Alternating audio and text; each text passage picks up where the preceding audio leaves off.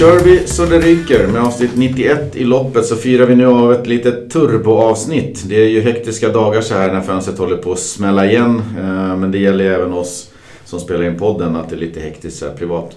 Men vad sägs om lite Rodrigo Moreno, Alessandro Florenzi, Maxi Gomes och Jocke Gidlund? Ja, det var en härlig kvartett du räknade upp. Ja. ja, det känns grymt att, att köra igång ett avsnitt här. Ja, precis. Vi har ju eh, haft en hektisk vecka med otroligt mycket turer fram och tillbaks och ifs and buts och ska han dit och då ska den dit och till slut så verkar det ha varit eh, så här torsdag kväll halv tio. Eh, ett riktigt bra fönster. Vi ville ha en högerback och nu har vi fått det. Ja, äntligen kan man säga. Eh, vi har väl inte haft en vettig högerback på flera säsonger så en sån här bra temporär lösning i Florenzi det blir ju ypperligt. Ja, vi hoppas på det. Nu återstår att se vad Karn kan leverera. Men vi fick behålla Rodrigo, vilket jag tycker var bra. Vi slapp ju väl därmed också Paco och eh, fick in en bra högerback. Vilket frigör Daniel Wass. Eh, så att, eh, ja, det ser bra ut än så länge. Nu hoppas vi att sista dagen imorgon är det va? inte ställer till det. Ja, precis. Man vet ju aldrig vad som kan hända in på småtimmarna på deadline day men det, det känns som att nu har vi gjort vårat det här fönstret. Varken in eller ut tror jag att det kommer hända någonting. Ja, vi, vi hoppas på det. Men det finns ju en Jorge Mendes där ute med, med blod i vittringen så man vet aldrig. Han kan ja, pressa igenom någonting. Dollartecken i ögonen. Ja, exakt. Men vi drar väl igång nyhetspaketet här med en ny högerback. Det är ju Alessandro Florenzi från Roma som är klar för Valencia på lån fram till sommaren. Och det är en kille som har tillhört Roma sedan barnsben. Eh, tio års ålder tyckte jag mig se eh, på eh, internet. Och det, till dags dato så har han gjort över 200, jag tror att det är nästan närmare 300 totalt matcher i klubben. Och han har ju varit given på Romas eh, startella eh, i åratal. Spontan känsla från eh, dig Jocke? Det känns ju som att vi får in en, en solid högerback ändå. Mm. Eh, som inte är speciellt anonym för de flesta. De flesta känner säkert igen honom både från landslaget och i en stor klubb som Roma. Eh, verkar ju vara liksom att han har Roma i sitt hjärta. Eh, har ju inte riktigt klagat heller när det varit turbulent i den klubben. Och, eh, som sagt har ju sett lite matcher med han såklart eh, även innan han kommer nu till Valencia. Det är ju mm. inte första gången man hör hans namn men verkar ju vara en, en ödmjuk kille. Verkligen.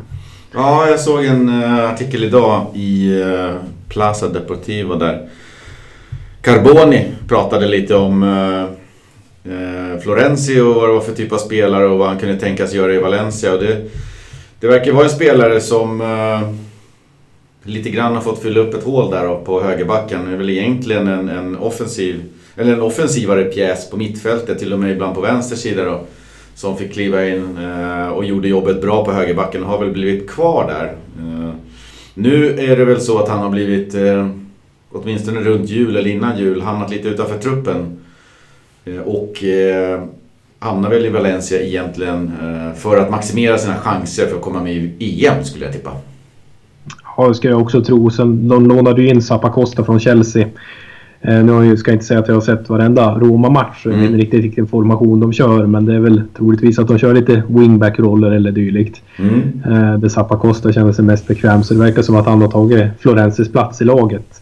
Jag kollade lite så... snabbt och det verkade flaxa väldigt kraftigt mellan uh, spelformationerna där. Och det såg också ut som att Florenzi hade spelat en hel del matcher på slutet. Så jag vet inte, det är väl generellt turbulent i den klubben. Totti har lämnat och Alltså inte bara som spelare utan eh, sportsliga ledningen där och eh, så. Så att, eh, jag tror att han kände bara, ja det här, det här känns intressant. Det är ju en högerbacksplats som jag lätt kan konkurrera mig till och liksom med den erfarenheten han har och sådär så. Ja, så får man peta in också Daniel De Rossi när han lämnade också. Mm. var ju inte ett sånt fint avsked för honom. Så han vill väl inte gå deras öde till mötes liksom. Nej, men de tar ju inte riktigt hand om sina trotjänare känns det ju som där borta i Roma, tyvärr. Nej, och en sån är ju Florenzi. Det är, ja. är ju en kille med, med Roma-hjärtat på rätt plats och, och till och med för klubbens bästa liksom rekommenderar den här Zappacosta att ja, men, ta, kom hit, kom till oss. Är, han konkurrerar om min plats men det är bra spelare och, och, det bästa för Roma är att han kommer. Så att det, det, mm. det verkar vara en lojal spelare, en, en, spelare som är lätt att tycka om. Ja, han verkar ju se till lagets bästa där och har ju även haft kapten, kaptensbinden i, i Roma när han mm. spelar. Så att de verkar ju verkligen tycka om honom i laget också. Jag har ju sett, såg något klipp där också när han, när han gjorde mål för Roma. Det är ju ett par år sedan där när han sprang upp på läktaren och kramade om sin mormor eller farmor eller vad det var där. Mm. Så att han verkar ju vara en svär, svärmorsdröm också. Ja, det är härligt. Jag ser verkligen med stor, stort eh, nöje fram emot eh, Florensis eh, framfart i Valencia under våren. Han är redan eh, i stan och tränade med laget idag, torsdag. Så att, eh, vi får se hur snabbt han kan eh, inkorporeras i mm, laget. Ja. Vi håller tummarna för det och så att han kan ta... Så inte blir vass där igen nu då. Nej, Trots att vi får in en högerback. Eh, sen går vi vidare till en icke-nyhet kan man väl säga. Det blev ingenting eh, för Rodrigo i Barcelona. Och så här i efterhand eh, tycker väl jag att Barcelonas försök till en, att få till en affär det, att den, den är nästan oprofessionellt. Man vill ju låna honom fram till sommaren utan obligatorisk utköpsklausul. Lite så här prova på-grej. Sen ville man ju inte betala nästan någonting utan kunde tänka sig att rafsa ihop lite så här Mendes-skräp och ge till Valencia istället. Eh, och till slut så verkar det som att man fann lite gemensam mark men då föll det på att Barcelona ville betala när nästa Fifa Financial Fair Play-fönster öppnat och Valencia ville eller behövde ha betalt i detta fönster. Det känns som en såpopera. Ja, en riktig soppa när Mendes eh, är med så att säga i bilden. Nej, Avsnitt det... tre också när, som Rodrigo är huvudstjärnan i. Ja, precis. Eh, det är som Niklas kommer in på där. Han var ute i många år nu. Det känns som att han ska lämna klubben. Men för att ta det lite från början så pekar ju liksom Valencia först då att de ville ha in Semedo när de mm. inte ville betala de här 60 miljoner euro. Men då säger Barcelona nej. Och det var väl lite snack att de erbjuder den här andra. Eh, jag tror han är afrikaner, Vago eller vad han mm. heter. Det är väl någon från Barcelona B som inte gjort så många matcher där. Men det känns ju inte riktigt som att han skulle gå in och peta vass och det sa väl Valencia nej. Och sen bollades ju upp med det här sjuka Bruno Fernandes ryktet också. Mm. Att Barcelona då ska köpa Bruno Fernandes för att i sin tur låna ut till Valencia som i sin tur då ska släppa Rodrigo till Barcelona. Mm. Ja, det är ju riktig jäkla soppa alltså. Jag känner ju att om, om de nu, det stämde, det hoppas jag inte att det gör, att de skulle kunna tänka sig köpa Bruno Fernandes. Varför kan de inte tänka sig köpa Rodrigo då? Nej. Nej, jag vet inte. Och nu, jag kommer inte ihåg vilken spelare de var, de var ute efter. Men nu skulle de köpa någon annan spelare sades det. De har inte pengar. Så jag förstår inte riktigt Nej, det, var det hela. Efter, var det Richarlison tror jag, i, i Everton ja, som jag kikade på. Eh, men det var ju nästan uppemot miljarden mm. som de var beredda att erbjuda där. Då, men det sa Everton nej då enligt eh, de, de uppgifter som man har läst. Och, nu snackas det ju allt ifrån sådana här Boateng-värvningar liksom mm. Jurente och eh, han Venezuelen där, vad heter han, eh, Rondon. Mm. Eh, så att nej, det, det, är verkligen oprofessionellt gjort liksom när ändå Rodrigo tar flyget och åker till Barcelona och då sätter sig ner och förhandlar. Man, man känner att ja men nu, nu är det kört, nu kommer han lämna oss. Det var liksom så det kändes när man såg bilderna att de vinkar av på flygplatsen. Men han kommer ju tillbaka. Ja men Rodrigo gör ju det som han ska göra. Han åker dit liksom med, med sitt folk, förhandlar de personliga delarna. Eh, precis som Paco Alcacer verkar ha gjort med Valencia då. Eh, man kommer överens om de bitarna och sen ska klubbarna komma överens om köpeskillingen. Liksom. Eh, och här verkar det som att Kike Setien har sagt att vi vill ha Rodrigo. Eh, man kontaktar väl då Jorge Mendes som fullständigt går upp i spinn och verkar vilja ha liksom inkorporerat 7-8 av sina egna spelare i någon galen tombola för att få det här att hända. Han verkar bara ha sagt att grabbar, lugn, jag löser det här. Och sen har han liksom bara massa värdelösa planer på G. Det är liksom, Valencia kommer dit liksom. Vi ska ha 60 miljoner på bordet. Vart är pengarna? Och så kommer han med bara en massa andra lösningar. Ja, så var känslan. Ja, men exakt. Och sen liksom i slutändan att det, det landar i erbjudandet att de ska låna Rodrigo, en av Valencias bärande spelare, mm. i sex månader utan option. Mm. Det är ju bara för mycket alltså. Ja. Eh, jag vet du skrev till mig där eh, på, på chatten när, när, vi, när vi såg det hända. Det är ju som om Simeone liksom skulle ja, men få Morata skadad. Mm. Ringer till Barcelona. Hej, kan ni låna ut Messi i sex månader? Vi har en skada här. Ja. ja. det är helt Det funkar inte riktigt så. Nej. Och då tänker man däremot, är det någon jävla tomte som kan köpa det här så kanske det är Anil Murti då.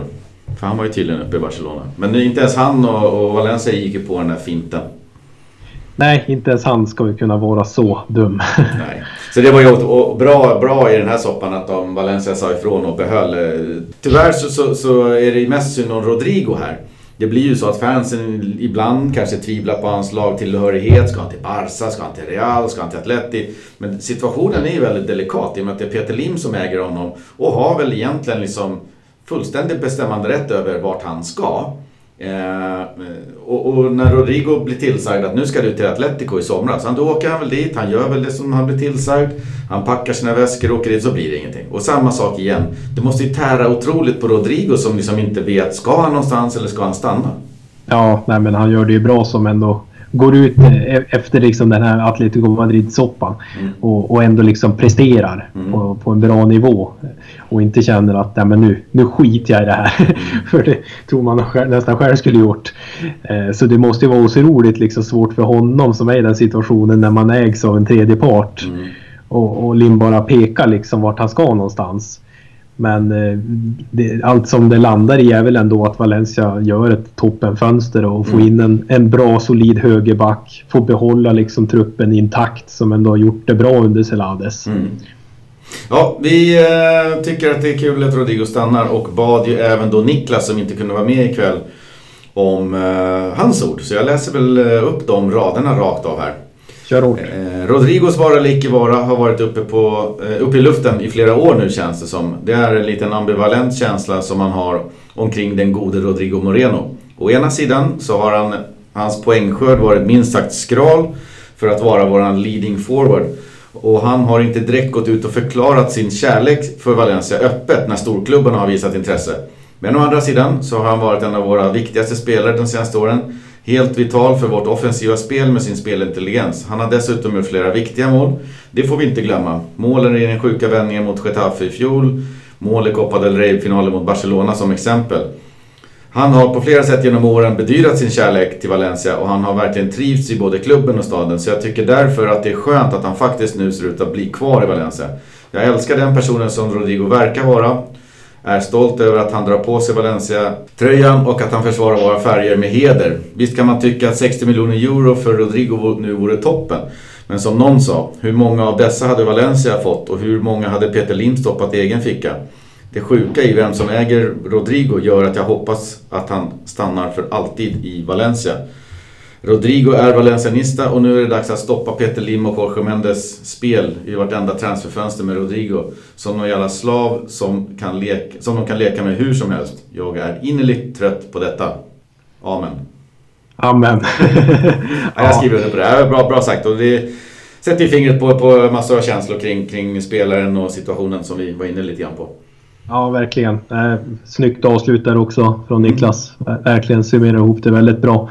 Eh, det man kan kanske flika in med eh, att han inte har förklarat sin kärlek liksom för Valencia öppet när storklubban knackat på har väl till mycket stor del liksom att han just ägs av Peter Lim också. Ja, och lojalitet till klubben också. Att man liksom, han behöver inte gå ut och vädra någonting och säga någonting i media. Utan han, han har ju tränat på så länge Valencia vill och han har åkt och diskuterat personliga kontrakt när de vill det och, och liksom gjort det. Och sen har han kommit tillbaka och, och levererat igen. Så att, att det varit lite tyst där, det kan jag förstå. Men i övrigt så har han ju deklarerat sin kärlek. Ja, det har han verkligen. Och man kommer aldrig glömma den där vändningen mot Getafe eller när han drar på sig den orangea peruken för att mm. hylla år 10 också. Så att eh, nej, man tar honom verkligen till hjärta. Fin kille och han ska få uppleva en härlig vår med Valencia.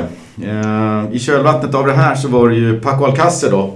Han var ju av allt att döma klar eh, med sina personliga kontrakt och redo att eh, kliva in i Valencia om Rodrigo skulle försvinna.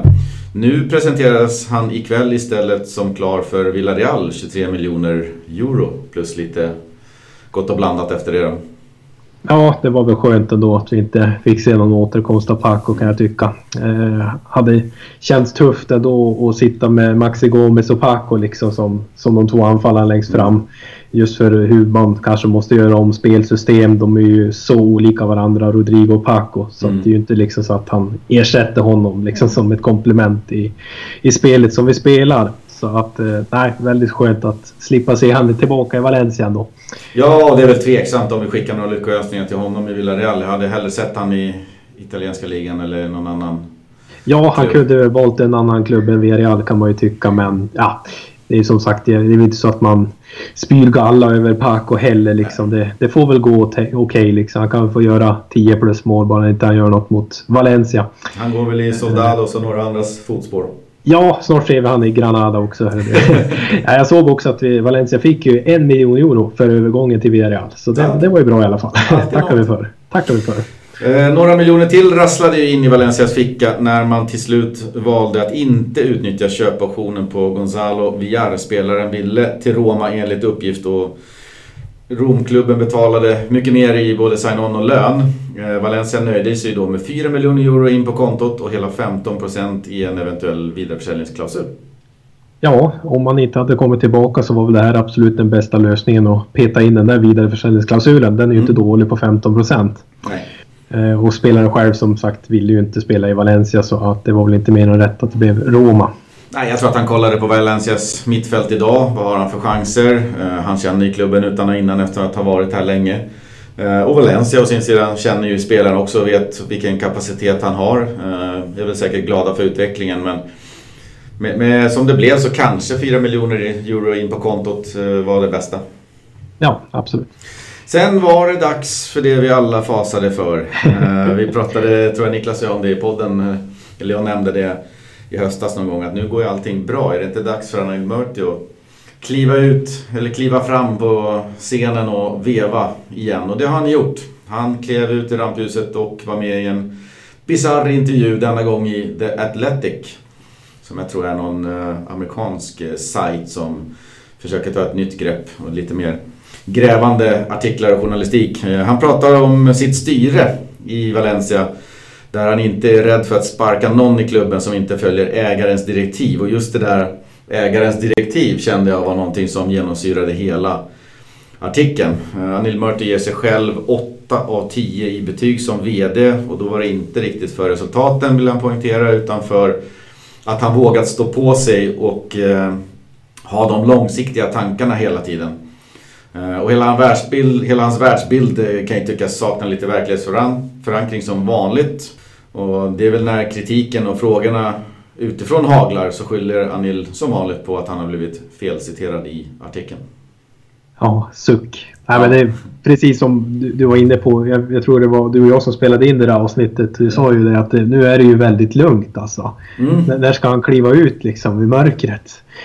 Och, ja, nu kom, han. Till, nu kom han tillbaka så att säga. Nej, men det är ju helt absurt. Uh, och så liksom så, som man säger där att uh, han är inte rädd att sparka någon som inte följer ägarens direktiv. Varför har man ens anställt en sportslig ledning för att stå för det sportsliga kunnandet?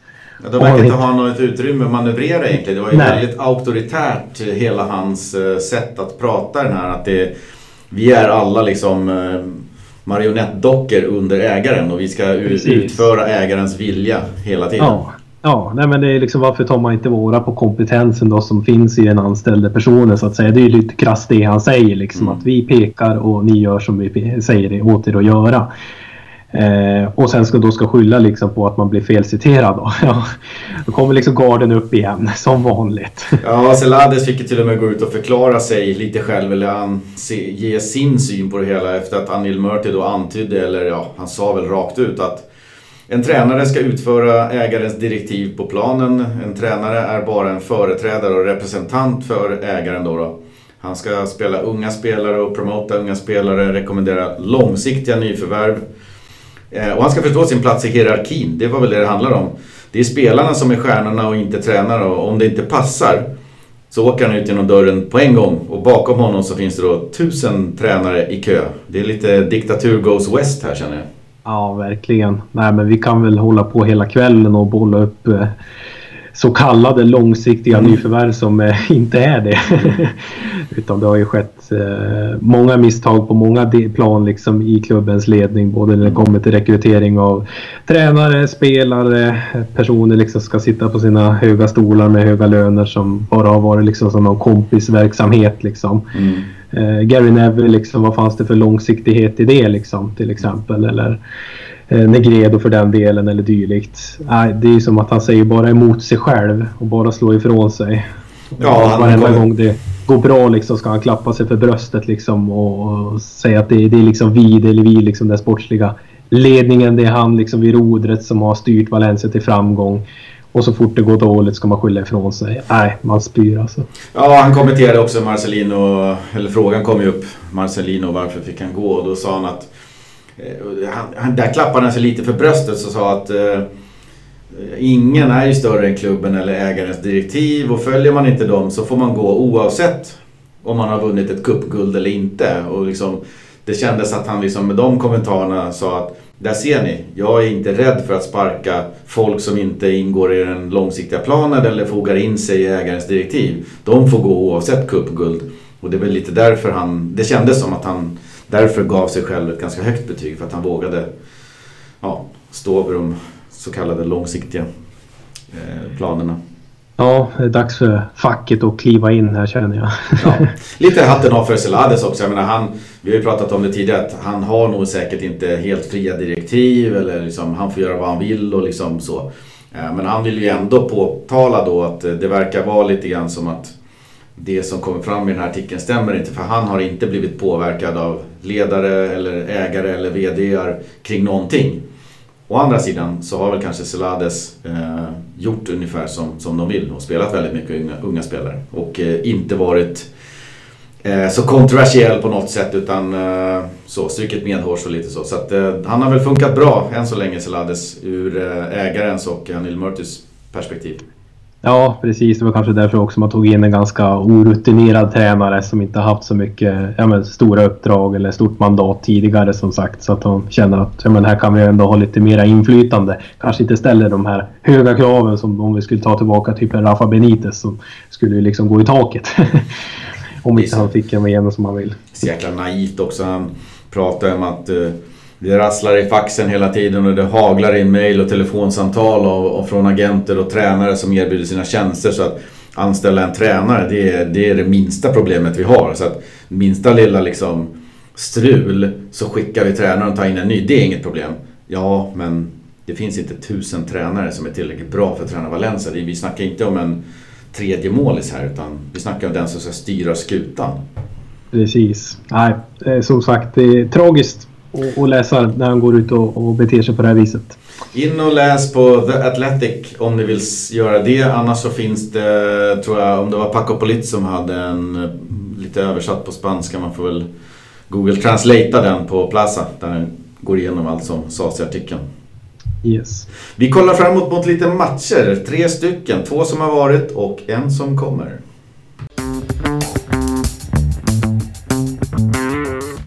Ja, det är ju ett sant nöje att eh, blicka tillbaka till förra helgen och Valencia-Barcelona. Eh, 2-0, Maxi Maxi. Det var ju en riktigt fin insats av ett vilt kämpande Valencia som såg till att Mestalla återigen fick eller uppleva en eh, magisk afton.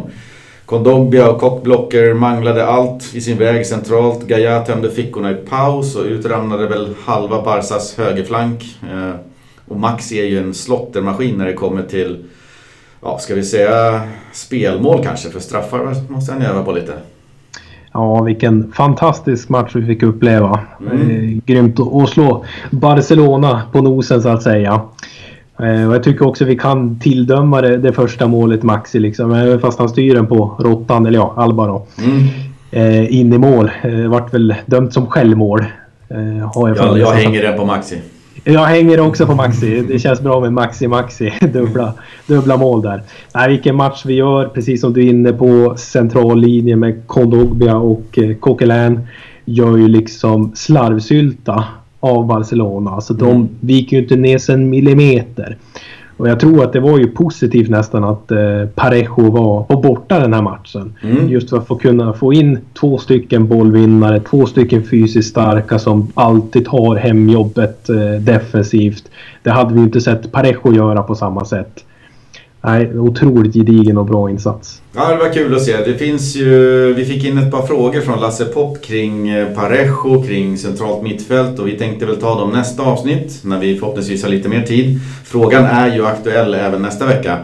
Eh, och dessutom så ställde ju Lasse några av de frågorna eh, långt innan Barcelona-matchen. Så att vi tar upp den funderingen. Sen fanns det ju många bra, eller vi tar upp den funderingen i nästa avsnitt. Sen fanns det många bra utöver de som har nämnts. Så jag vill, precis som Plaza Deportivo, eh, Deportiva, eh, kanske lyfta upp Gabriels insats som mittback. Han fick 9 av 10 och det är ett högt betyg. Med kommentaren Imperial. Vilken insats! Ja, klockren. Eh, visar ju verkligen att han det, jag tror det, den är den här säsongen han tar det där klivet. Mm. Där vi kanske borstar av de där äh, misstagen som man brukar göra liksom tidigare. Uh, det brukar ju gå liksom en 5-6 matcher och så kommer det liksom så idiotmisstag. Att han tappar någon markeringar eller ja, taskiga uppspel eller dylikt liksom. Men den här matchen, han var ju fullständigt fenomenal. Ja, kanske hans bästa match i Valencia-tröjan. Jag kan inte säga ja. att jag har alla på näthinnan men den är ju där uppe och han det är en känslomänniska på gränsen till, till galning så att säga i, i spelmomenten när han är inne. Han investerar så mycket känslor där och när han når hela vägen fram men inte går över gränsen, då är ju han som bäst.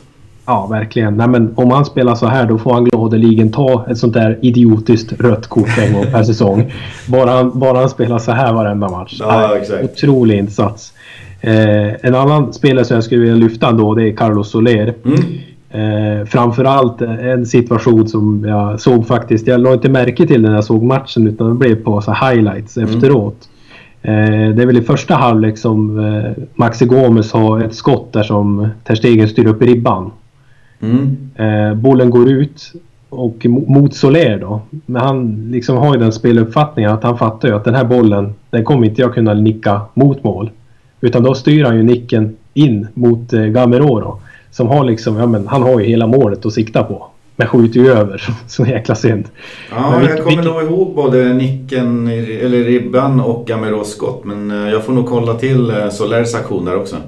Ja, du får nog göra det och ni andra också som har missat den. Alltså, jag såg den inte heller liksom under själva matchen som sagt, utan efteråt. Alltså, vilken speluppfattning.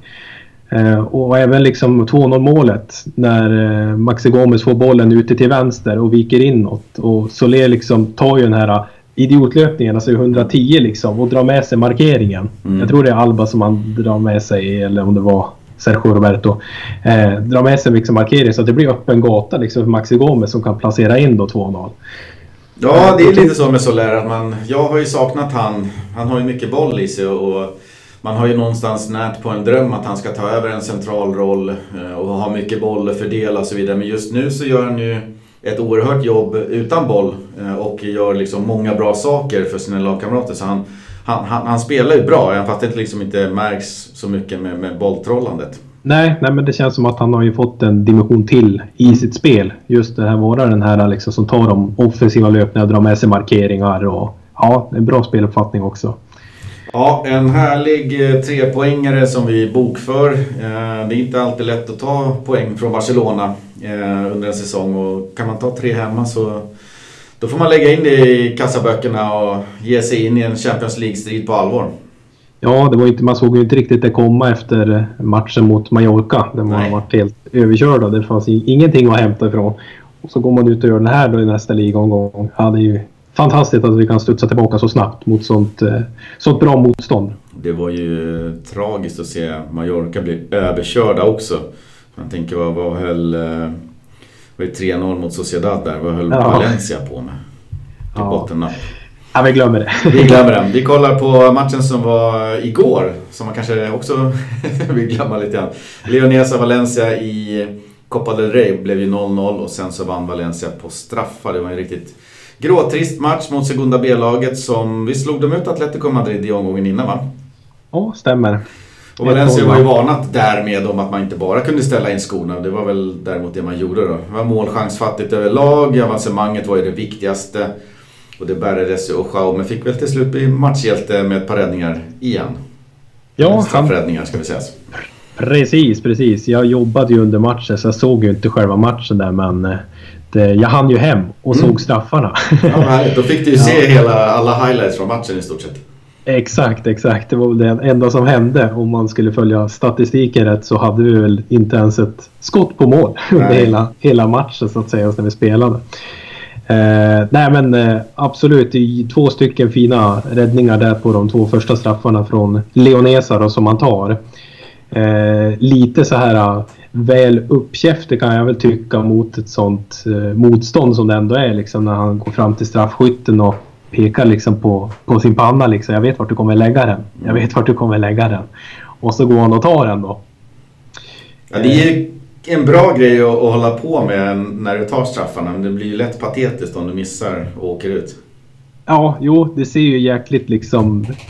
Vad ska man säga? Ja, dåligt ut om man ska släppa in då varenda straff. Men här tar han ju två stycken på raken, gör samma liksom gester så att säga och psykar motståndaren.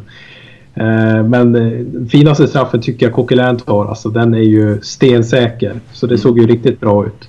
Så ja, man har väl inte så mycket att tillägga om våra straffskyttar. Det skötte sig exemplariskt kan jag tycka. Ja. Vi bokför den där och så är det väl lottning som vanligt eh, fredag strax efter lunch tror jag. Ja, det kan nog stämma. Jag har inte dunderkoll. Då är det åtta lag kvar. Det börjar dra ihop sig lite grann och alla de åtta lagen som är kvar börjar väl få lite vittring på en Copa del Rey-final här. Det är två matcher kvar tills en eventuell final. Då. Ja, precis. Det vore ju fantastiskt att uppleva samma resa som vi gjorde förra säsongen. Mm. Eh, det ser ju ut som just nu i alla fall att eh, Mirandes slår ut Sevilla. De ligger under med, med 2-0 där. Bra bit in i andra halvlek. Ja, det känns ju väldigt bra. vi tittar väl framåt då. Vi lägger... Vi viker ner backspeglarna och så tittar vi framåt. Lördag 21.00. Härlig kvällsmatch. Det är ju precis perfekt när man har hällt upp vinet och middagen ligger i magen och man har parkerat i soffan. Det är bara att skjutsa hem släktingar och vänner och grannar och slå på lite La Liga. Uh, tillbaks till action uh, och den intensiva jakten på topplaceringar såklart. Oerhört viktigt att man inte gör en platt match här igen. Uh, att man återgår till den fina versionen av Valencia som vi sett några gånger på slutet och inte det vi såg mot Mallis och Leonesa. Nej, det är som sagt Celta Vigo är ju ett eh, motstånd som vi ska ha tre poäng emot framförallt på hemmaplan. Mm. Så allt annat än seger är ju ett underbetyg. Ja, speciellt eh, årets version av eh, Celta Vigo som har eh, hiskeliga problem eh, att göra mål. De har gjort eh, 17 stycken ser jag här eh, Eh, framåt eh, och har bara 17 poäng på 21 matcher att då jämföra med Valencia då, som inte gått klockrent men har 32 mål och 34 poäng. Så eh, det är ju ett lag som inte har vunnit på flera matcher och ska kunna innebära tre poäng på Mestalla. Hur formerar Celades sitt lag då efter att vi... Nu har rätt många, han har rätt många val att göra. Vi har ju, ja eventuellt ska vi säga två högerbackar då, men vi har ju mittbackar, åtminstone tre stycken. Och centralt mittfält verkar vi ha Kondogbia, Coquelin och Parejo på benen. Vi har ju lite alternativ på våra kanter och så tre forwards. Ja, den är, jag tror att vi kommer få se ett ganska så likt lag som vi gjorde mot Barcelona.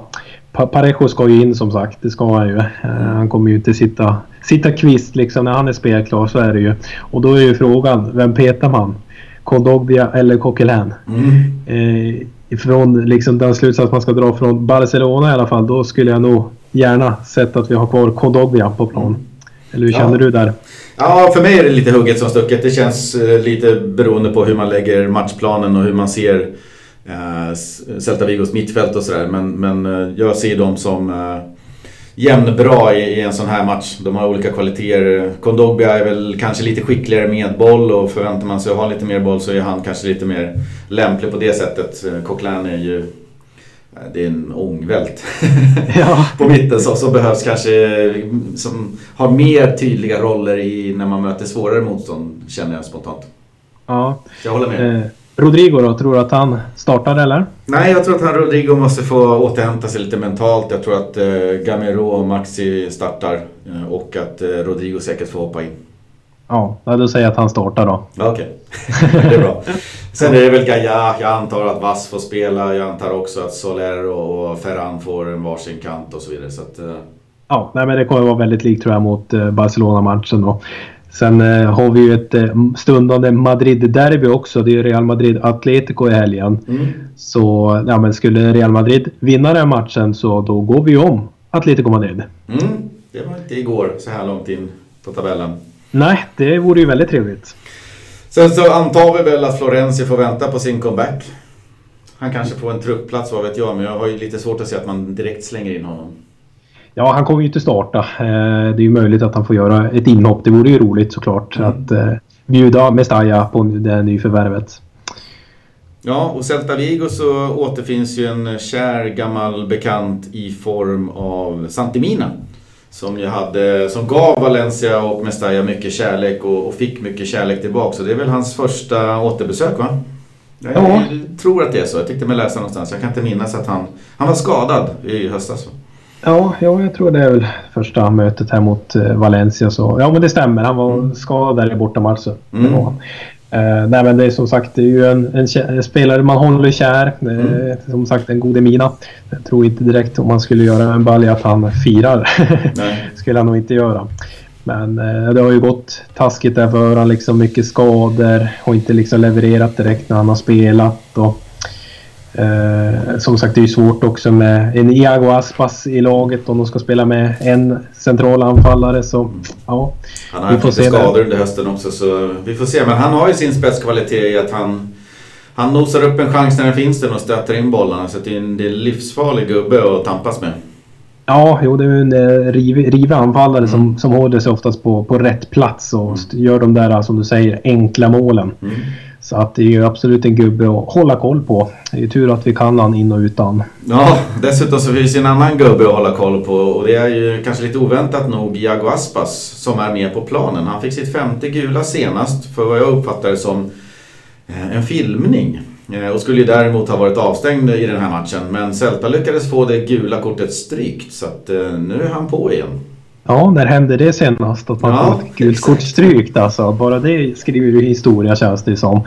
Nej men som sagt det är ju deras absolut viktigaste spelare. Eh, som, som gör alltid gör mål liksom. Eh, mm. Ligger väl alltid på en 10-15 plus baljer eh, varenda säsong. Jag skulle säga 15-20 baljer. Ja, det är väl uppemot det till och med. eh, och så att de hade gjort 17. Ja. De hade gjort, han lär väl ha gjort i alla fall hälften. ja, han har också varit lite skadad tror jag. Så, ja, han har nog gjort hälften. Det, det är bra. Eh, men han har varit skadad där en del så de har haft lite trassel. Så får vi se. Hoppas nu att inte de hittar någon ny form här just mot Valencia i och med att Ego Aspasemio kanske börjar spela igång. Ja, men det, det håller tummarna för att han inte känner sig i form i den matchen. Men, det är en eh, knepig motståndare ändå. Det är också så här, uh, så det känns som att det har gått lite sämre för dem uh, än vad de är som lag. De kanske har ett lag för att ligga i mitten åtminstone. Så att, det är en liten varg i fårakläder, säger man så? Det finns ja. all anledning att sätta matchplanen och ta på blåstället här. Men det är ju, alltså det är ju, om man sett till truppen så ser den ju väldigt spännande ut och kompetent. Mm. De gjorde ju ett, eh, ett bra sommarfönster skulle jag säga. Och få in Rafinha och eh, Santemina fick behålla liksom eh, han, vad heter han för någonting, central mittfältare, Lo, Lobodka heter han väl va? Han heter heter nog eh, något sånt. Ja, de har den här Pianosis, Pianosisto också. Ja, precis. Dansken där ja. Nej, men de har ju ett spännande lag sett till pappret. Eh, och, så jag tycker liksom att de borde ju vara på en, en övre halva kanske och, och tampas. Så att eh, rätt som det så kanske det får en lyckoträff här och, och trenden vänder. Men vi hoppas att det inte kommer på lördag i alla fall. Nej. Vi får väl nämna Jason Morillo och eh, Jorge Sainz också som huserar i laget så får vi se mycket speltid de herrarna får. Ja, de har plockat in Morillo alltså. Ja. Fan, det har gått helt under radarn. Men... Nej, vi får se eh, om de får, får spela överhuvudtaget. Men eh, det finns lite Valencia-bekantingar där. Folk som känner till Mestalla och klubben innan. Det är tur att det är åt andra hållet också. Det är spelare som mm. vi känner till också. Exakt, och i vissa fall äger. ja, exakt. Ska vi ge oss i kast med ett litet scorecast här? Du var ju hyfsat nära med 0-0 om man jämför med mig. 0-2 senast mot Barcelona. Så får vi se om vi kan sätta det här tipset. Ska jag börja? Börjar du? Jag tycker väl att 0-0 var ganska fel ute också, ska ja, säga. Okay. Det är fel tipstecken och sådär. Du hade rätt mål på Barcelona och de flesta trodde kanske på förlust men, men du hade lite semihoppet där i alla fall. Ja, och med det. det får vara det då. Du får inga poäng. Nej. Vad tror du då? Eh, jag, hemma. Jag tror att det blir en eh, 3-1. Jag eh, har ju som jag deklarerade förra podden ett ett eh, starkt växande kärleksband till Maxi Gomes. Jag blir mer och mer imponerad av Kahn för varje match som går på alla sätt och eh, ser gärna att han gör första målet. Så 3-1 Maxi. Ja, jag tror det är nog ingenting som kan stoppa honom just nu i, i det stim han är i. Så jag hade väl också lagt mina slantar på att Maxi gör första målet. Det får men... du göra. Ja, det blir ju så tråkigt då tycker jag. Nej, men det, jag är nog lite inne på det där att jag tror att vi kommer göra en del mål. Så jag säger väl 3-0. Mm. Och så petar vi in Parejo. Parejo. Den hade ju Victoria annars paxat, Parejo som målskytt. Ja, hon brukar ta Parejo på straff. Ja, en, en klassiker där. Ja, det är väl dags för en straff kanske. Nu fick vi en mot Barca men eh, då var inte Danny Parejo på planen. Så får, får vi en så är det nog Danny som slår den. Ja, det är väl Maxi som rullar till sig en straff och Parejo som sätter dit den. Ja, det får vi hoppas. Eh, jag vet inte, vi kan väl snabbt kommentera. Det var ju något eh, ganska ihärdigt rykte nu under fönstret att United hade börja vässa på ett erbjudande för Maxi Gomes till sommaren som eh, heter Monster. Modell en miljard typ. Ja, jo, jag läste det också att det rapporteras om det men som du säger då först till, till sommaren. Mm.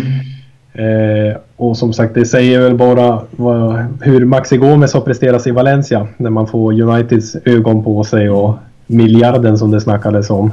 Ja, det var väl en utköpsklausul på 140 miljoner euro vilket ju är jättemycket pengar. Men, men det här är ingen gubbe som Valencia släpper för 50-60 utan det här ska nå upp mot miljarden. Eh, om vi utgår ifrån att han fortsätter liksom i den här formen. Jag menar det han levererade innan eh, eh var ju i en mindre klubb. Nu är han i Valencia, han eh, är med i Champions League och han liksom mm. har visat upp sig mot Barcelona två gånger. En och en halv kanske. Ja. Två mål skulle jag säga. Eh, så, att, så att det är en kille som, som har visat sig på den stora scenen på, på riktigt nu. Eh, om man inte hade gjort det innan och eh, såklart drar till sig ögon från alla håll. Eh, lite för kort tid för att det ska hända någonting i vinterfönstret och Valencia är helt ointresserade av att släppa honom. Så att ja, det kommer inte hända. Mm. Ja, det kommer inte hända att man släpper honom liksom efter en halv säsong. Eh, har ju svårt också att se att man släpper honom efter en säsong. Mm. Skrev ju liksom ett långt kontrakt med en stor utköpningsklausul. Eh, som sagt, kommer han fortsätta han leverera så här under under vårsäsongen så det är klart att det kommer ju komma upp fler klubbar än Manchester United som kommer vara intresserade av att köpa en Maxi Gomez som är i den ålder han är i också. Ja, jag tror Valencia som klubb är inte så intresserad av att släppa honom egentligen efter så kort tid i och med att han levererar. Men med en ålder på 23, med liksom den, de prislapparna det snackas om. Eh, Maxi skulle ju då kamma hem lite Premier League och United-pengar i fickan som är på en annan galax. Så att vad spelaren vill sen om det nu blir så hett i sommar. Så, det kan ju ta nya vägar, det kan ju hända. Men eh, ja, det är ju en pärla som vi har värvat känner jag. Ja, verkligen. Bra, bra gjort så att säga. Bra värvning. Ja, till skillnad från Sobrino och Manoech och massa ja, andra. Ja, sluta det ska vi inte prata om. Nej, eh, kul, kul med Maxi och vi hoppas att hans målform håller i sig. Så trycker vi på stoppknappen här med ett litet hasta luego. Hasta luego. Holy